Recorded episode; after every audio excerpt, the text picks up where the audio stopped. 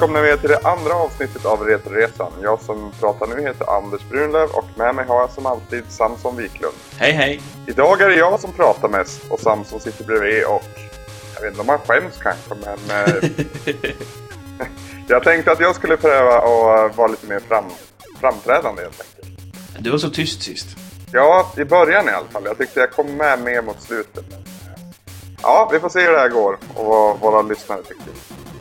Ni som lyssnade på förra avsnittet vet att vi tog upp eh, Mega Drive-spelet Rystar då och våra första intryck kring det. Och ja, Samson, när vi spelar lite mer, vad tycker du nu då? Jag måste säga att jag, eh, spelet växer mer och mer ju mer jag spelar. Nu har jag tagit det i två varv här. Mm. Ett på normal, ett på hard. Eh, och jag märkte att det finns visst super europeiska versionen, det är bara att den låses upp först när man har klarat hard. Mm. Eh, ja, jag tycker att det är riktigt nice. Det är, det är trivsamt att spela. Alltså, jag, när jag inte har någonting att göra så tar jag gärna fram det och så sätter jag mig ner och spelar lite. Det, det funkar väldigt bra för mig. Mm. Det är klassiskt plattformsspel egentligen, att man kan bara plocka upp och spela det. Det krävs inte dedikation i flera timmar utan det är underhållning för stunden om man så vill. Ja, Visst är det så. Eh, jag tycker ju att första halvan av spelet är bättre än den andra halvan. oh, det är Även- spännande. Jag tycker tvärtom. Det gör det? Ja, nu får du motivera dig så kan vi bråka. Ja, nej, jag tycker om den här enkla plattformsgrejen och jag tycker att visst, de kommer mycket bra idéer som jag sa i förra avsnittet också, men mot slutet blir det lite för, jag vet inte om jag skulle säga svårt, lite krystat kanske. Ja, jag vet, vad är det som känns krystat? Ja, det, är- det är framförallt ett parti som är hyfsat färskt i minne när man ska svinga sig uppåt och det var skitsvårt för mig helt enkelt. Ehm, man, man har ju de här armarna som vi pratade om i förra avsnittet och de ska man svinga sig uppåt. Och medan man är i luften ska man sträcka ut dem igen och svinga sig ännu högre uppåt. Och misslyckas man med det här så ramlar man på taggar och förlorar därav hälsa. Och det skulle ju vara hyfsat enkelt om den bara gjorde som jag ville. Alltså ja, sträckte ut armarna när jag tryckte på att den skulle sträcka ut armarna. Den här lilla stjärnan. Men han, för mig gjorde han inte det och det var ett ställe där jag dog otaligt många gånger. Jaha. Nej, jag upplevde inte det alls. Alltså, visst Det kan, ju, händer... vara- det kan ju vara så enkelt att du är bättre än mig. Ja. det låter jag osagt. Nej, men alltså, jag märkte ju efter ett tag att... Jag, jag vet vilket ställe du pratar om här. Mm. Eh, och eh, det jag märkte var att det händer, det händer att jag inte alltid hinner, så att säga, trycka för att ta uppåt. För att det blir, vet, man måste i så fall trycka på sträcka ut armarna-knappen precis när man är i sitt zenit, så att säga. När man är på sin liksom, absoluta toppunkt. För att kunna nå högre upp. Och för mig var det helt enkelt så tänkte jag, ja men då skiter jag i ens försöka. Jag satsar på att headbutta väggen några gånger och sen gör det. Och det var liksom inte svårare än så, så det funkar det. Det jag, då hade jag problem med istället. Det här kan ju också vara grundat i att jag körde i den här äh, från äh, Mega Drive Ultimate Collection på, eller på Xbox 360. Ah. Och då har vi ja, 360-kontrollen. Ja, jag, tr- jag, jag tror att det är din 360-kontroll som är boven i dramat. Jag har suttit på ett riktigt Mega Drive. Oj, oj, oj. Eh, och det, det, det är nog det som är boven i dramat. För jag, jag tycker att jag har fullständig kontroll över min joypad. Och det vet jag väl att man absolut inte kan ha på en 360 på samma sätt. Nej, eh, jag, jag hoppade faktiskt mellan eh, styrspaken och eh, styrkorset. Eh, beroende på vilka olika partier. Skulle jag headbatta, headbatta mig uppåt till exempel så var jag tvungen att använda styrkorset. Men det var betydligt mer behagligt att gå omkring och ja, liksom själva plattformselementen då så att säga. Eh, var mycket bekvämare med styrspaken. Så det, ja, det vart väldigt mycket hoppande. Men då ska jag, då ska jag nog pröva ladda ner det här till eh, Nintendo Wii i alla fall och pröva med en, ja, en vanlig den kontrollen får vi se hur det går här. Ja, så jag, tror att, jag tror att det är det det handlar om. För jag måste säga att alla gånger jag har dött i Rise Star så har det känts som att det är mitt fel att jag dör. Det, jag har inte kunnat skylla på så här, åh vad dålig kontrollen är, eller åh vad slarvigt programmerat det här är. Utan det, har- det har verkligen varit att det är jag som är orsaken till att Rise Star dör, varje gång han dör. Mm, även på sista bossen menar du? Ibland är det ett svart hål där. men men eh, ja, jag tycker att alltså, har jag misslyckats med någonting så är det jag som har misslyckats. Det är inte för att spelet är, är slarvigt gjort liksom. Nej, men självklart är det så som du säger, men liksom samtidigt kände jag sista bossen så... Han var tillräckligt svår till en viss punkt och sen började han skjuta blixtar helt random. Och alltså visst, det är kul med en, en svår slutboss, men det kändes som att... Så det kändes som att han fuskade helt enkelt. jag håller inte med dig. Jag tror att vi, eh, jag tror att vi har olika spelstilar. För att jag, visst dog jag många gånger på blixtarna innan jag lärde mig liksom hur ska man röra sig och, och vart ska man gå och så vidare. Men jag menar, det är ju precis som med Megaman-bossar så handlar det om att hitta mönstret och eh, det var inte så svårt att lära sig mönstret tycker jag. Det, det, det, det krävdes väldigt hög precision från Mm. min sida för att göra det. Men jag menar, vet man bara vad man ska göra så handlar det bara om att lyckas göra det. Liksom. Och det har du faktiskt helt rätt i. Det kan ju också ha att göra med att när jag just var på det här partiet, sista bossen, så hade jag jobbat natt i 15 timmar eller vad det var och kom hem och fortsatte spela sista banan. Och då var jag inte helt sinnesnärvarande. Men eh, visst, visst finns det en sparfunktion och liknande för dig? Ja, det, det, det är i princip en quick save. Det är, det är en lazy port där till, till ja, Mega Drive Ultimate Collection. Då. Mm. Så, och då finns det en egen meny så att säga där du kan välja att quicksavea vart du vill i princip och ladda därifrån också. Det är som Sonic-spelen har varit på XBLA också, eller? Exakt. Okej. Ja, det hade ju jag känt att det hade jag gärna haft. Mm. I en del partier. Mm, det förstår jag. Det är, mycket, det är lite, lite mycket trial and error mot slutet tycker jag. Just att man, man ser inte alltid vart man ska heller. Har tänkt på det? Ja, fast alltså, det, det är ofta det handlar liksom om att man måste springa omkring och utforska lite. Men det är inte som att det är något så här jättemysterium. Det finns alltid en väg att gå i slutändan. Så det är liksom inte... Ja, okej, ibland finns det två där man kan välja upp vägen eller neråt vägen liksom. Men det känns ändå som att jag har inte fastnat någonstans. Jag har inte känt att jag liksom inte vet vart jag ska. Nej. Men ibland har jag känt att jag har stått på kanten av någonting. Jag kan inte kolla upp eller jag kan inte kolla ner utan jag får helt enkelt hoppa ner och kolla vad som händer. Och oftast resulterar det i att jag antingen dör eller förlorar hälsa. då. Okej, men när jag har stått inne i sådana lägen, då har jag, alltså, jag har använt mig av den här wall jump-tekniken väldigt mycket. Ja. Så då har jag, om jag står på en avsats och så är det liksom lång avgrund under mig, då har jag helt enkelt hoppat ner och sen styrt tillbaka mot väggen som jag nyss stod på.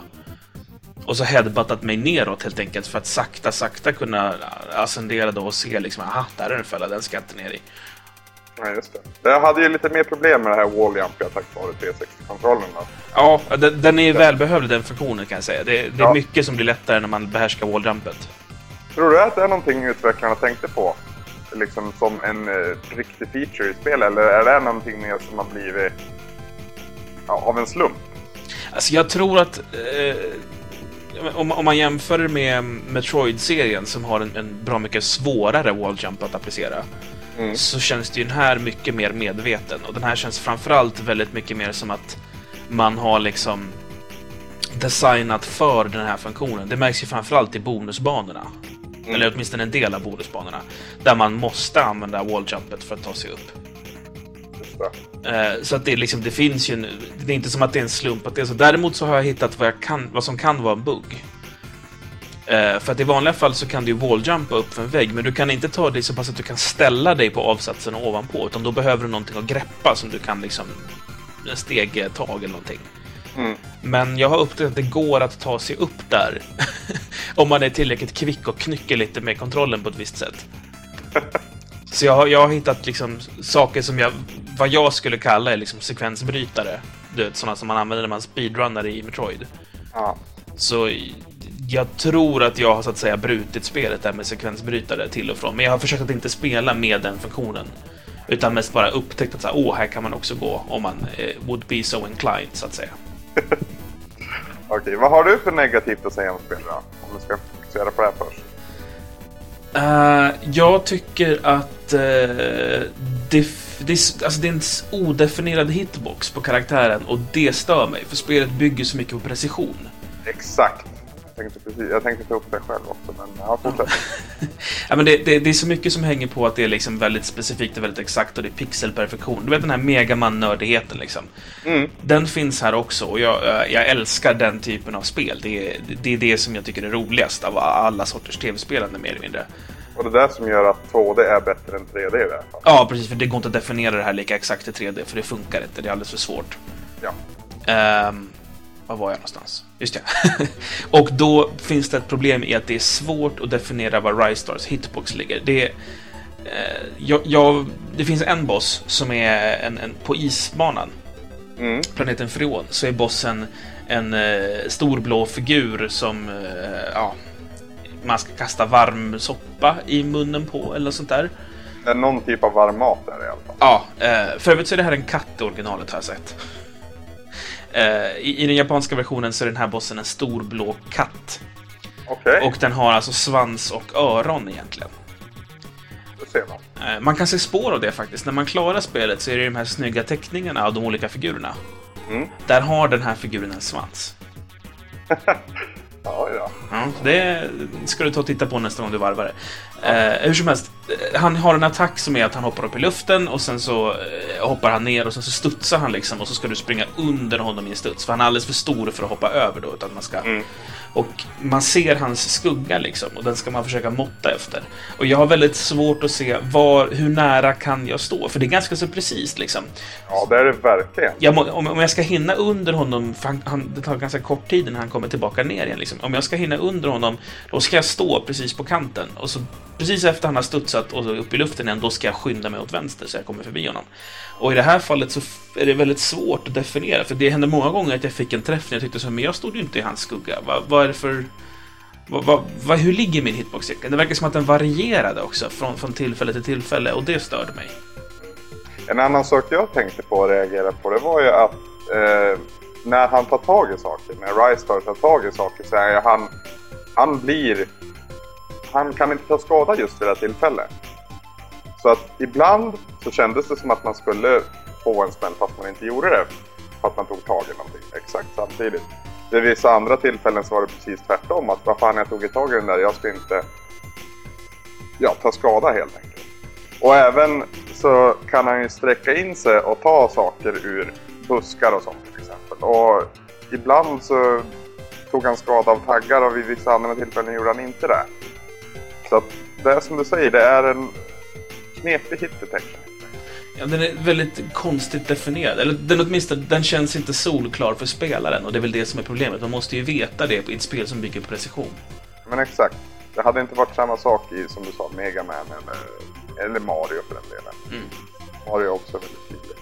Det tänkte jag på, det fanns en sån här boss, eh, nu vet jag inte vad planeten heter, men det är den här som, där allting är liksom man-made. Det är någon automaton eller sånt där heter den. Mm, just det. Där finns det en sån här miniboss som är en massa av de här små figurerna som kommer i olika formationer och färger. Mm. Där är det ju mycket att man liksom hoppar upp och så rycker man med sig en fem stycken på raken för att de är liksom bara i en formation. Mm. Där var det väldigt många gånger som jag tyckte att så här, här borde jag ha varit odödlig. Jag höll ju tag i honom, hade precis headbuttat honom och då har man en sån här litet utrymme av liksom, odödlighet. Då jag helt plötsligt kunde få smäll. Och det var så här, men, men hur ska jag kunna räkna med den här funktionen nu? Ibland verkar den funka, ibland inte. Ja, det är oprecist. Det, det är den biten som är absolut sämst med spelet. Ska det bli lite gladare att gå in på det positiva då? Ja, det tycker jag. Mm. Go! Ska jag prata hela tiden? Det är din tur. Okej, först och främst är det ett otroligt vackert spel. Både i färgval och detaljrikedom och även musiken måste jag säga. Så jag har svårt att hitta fem andra titlar på Mega Drive som är lika vackra. Jag tycker att det är eh, bland de snyggaste 16-bitarspelen jag har sett. Det är väldigt, väldigt... Alltså det är, det är ju samma tecknare som har gjort Sonic, det märks ju. Mm. Alltså det är samma grafiska handlag i det hela. Ja, men ändå skulle jag sätta Rystar före Sonic vilken dag som helst. Ja, jo, det håller jag med dig. För därför tycker jag att Sonic jobbar alldeles för mycket med eh, sitt, sitt mönster i rutnät och liknande som är då för att förtydliga att han är snabb. Liksom. Och det behöver man ju inte ha med i Ristar, utan här kan man koncentrera sig på, på bara att vara vackert. Mm. Uh, sen gillar jag att den inte på något sätt försöker vara verklighetstrogen, utan man försöker mer göra den snygg bara, och, och sagolik på något vis. Ja, sagolik är ett perfekt ord att beskriva miljön så att säga. Och just att den är så pass varierad också ger så mycket. Det är liksom som att för varje värld, det är lite Super Mario 3 vibbarna. Att varje värld bjuder på något nytt och något fräscht och någonting som man verkligen vill. Man vill verkligen fortsätta spela och se vad nästa värld kommer att bli. Mm. Ja, som sagt, jag har svårt att hitta lika bra, eller lika vackra titlar på Mega Drive. På Super Nintendo använder en annan typ av grafik. Jag vet inte, jag är inte så tekniskt informerad kring det där, men jag menar det finns riktigt vackra spel på Super Nintendo, det är ingen tvekan om det. Men Mega Drive tycker jag har haft lite mer... Jag vet inte vad ordet jag söker är, men eh, det är lite tråkigare grafik helt enkelt. Den försöker vara så... Det finns ju undantag. Comic Zone är ett riktigt snyggt spel till exempel. Men eh, i regel tycker jag att den har varit lite för stiltig. Kan det vara så? Ja, alltså jag tycker att största problemet med, med grafiken på Mega Driven tycker jag, det är att man bara kunde visa 64 färger samtidigt. Mm. Och det gör att, alltså det är svårt, för Super Nintendos pixelgrafik är otroligt snygg med skuggningar och ljuseffekter och liknande. Mm. Och på Mega Driven blir det så jävla svårt att få till, och det tycker jag faktiskt Rise Star är ett av de bättre spelen på, för jag upplevde aldrig någon slags färg att det var lite färger, utan det var, det var ju, man var ju bländad av ljuseffekter och eh, små detaljer och, och, ljus och skugga och så vidare. Och det är någonting som jag i vanliga fall jag är van vid det på Super Nintendo, för den har ju mycket högre kapacitet för den typen av färgåtergivning. Mm. Eh, och, och, och, i Segas fall så brukar det kännas lite plattare, lite mer stiliserat. Mm. Men uh, Rise Star är väldigt rikt tycker jag. Alltså, det kändes nästan som så här Secret of Mana-nivå på hur, hur... Eh, vilket är en av mina favoriter grafikmässigt så att säga. Mm. Det, det, är liksom den nivån av, av färgupplevelse. Det sprakar liksom om hela skärmen på ett sätt som jag inte är van vid eh, på Mega Drive-spel i det här spelet. På Nintendo Wii till exempel kostade 800 Wii Points, vilket översätter direkt 80 spänn ungefär. Är det, är det värt de pengarna? 80 spänn skulle jag nog lätt kunna tänka mig att betala för det. Jag... Eh, ett, ett original, eh, eller säga ett original, ett, ett Mega Drive original i gott skick, det är vad jag förstått går på en dryg 500 Ja, mer eller mindre. Det tycker jag är lite saftigt faktiskt. Mm. Uh, det, är, det... Det, är, för den samlaren som troligtvis har spelat det här spelet tidigare och, och har väldigt starka minnen till det och vill ha det med komplett kartongbox och allting sånt. Jag skulle säga alltså om, om, man, om man bara tänker på hur det är att spela det och inte på att man ska ha typ en samlargrej, utan jag tänker bara på spelnöjet med det. Mm. Då skulle jag sträcka mig till att max betala 200-300 för det här spelet. I dagsläget då. Då skulle jag vilja ha det i fysisk form vill jag tycka. För det är en sak att ladda ner det på Virtual Console och det är en annan sak att ha det i hyllan. Jo, oh, helt klart.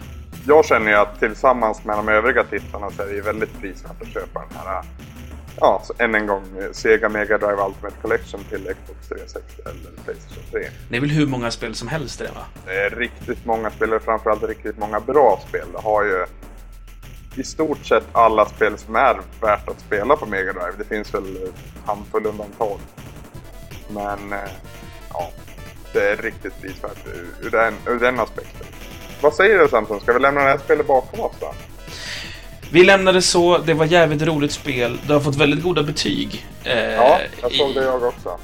Och eh, kort sagt så är det väl någonting som vi rekommenderar folk att spela helt enkelt. Eh, ja, det, vad jag har förstått så är det väldigt få som har spelare. Just för att, som vi sa även där i förra avsnittet, att det kom ungefär samtidigt som Playstation. Jag tror det hade att göra med en månad emellan. Ja, alltså, det, det, fick liksom aldrig de vingarna. Alltså, för med spelet i sig är ett jävligt bra spel och det kom och det släpptes liksom till Mega Driven av ett stort företag. Så det var liksom inte någon fråga om att så här, som Cool Spot som är ett crappigt skitspel. Som, det, det, är ingen som spelar det idag för det är ett dåligt spel. Det här är ett riktigt bra spel, men det han liksom aldrig få den här statusen som ett bra spel innan det redan var förlegat så att säga. Precis. Så vi kan, både du och jag kan varmt rekommendera det till alla som ja, gillar plattformsspel och gillar snygga spel med bra musik helt enkelt. Ja, det skriver jag under på. Ja, vad bra. Då tycker jag att vi lyssnar på uh, min favoritlåt i det här spelet som säger åt i hela spelet helt enkelt. Och då vet vilken jag menar va Jajamän.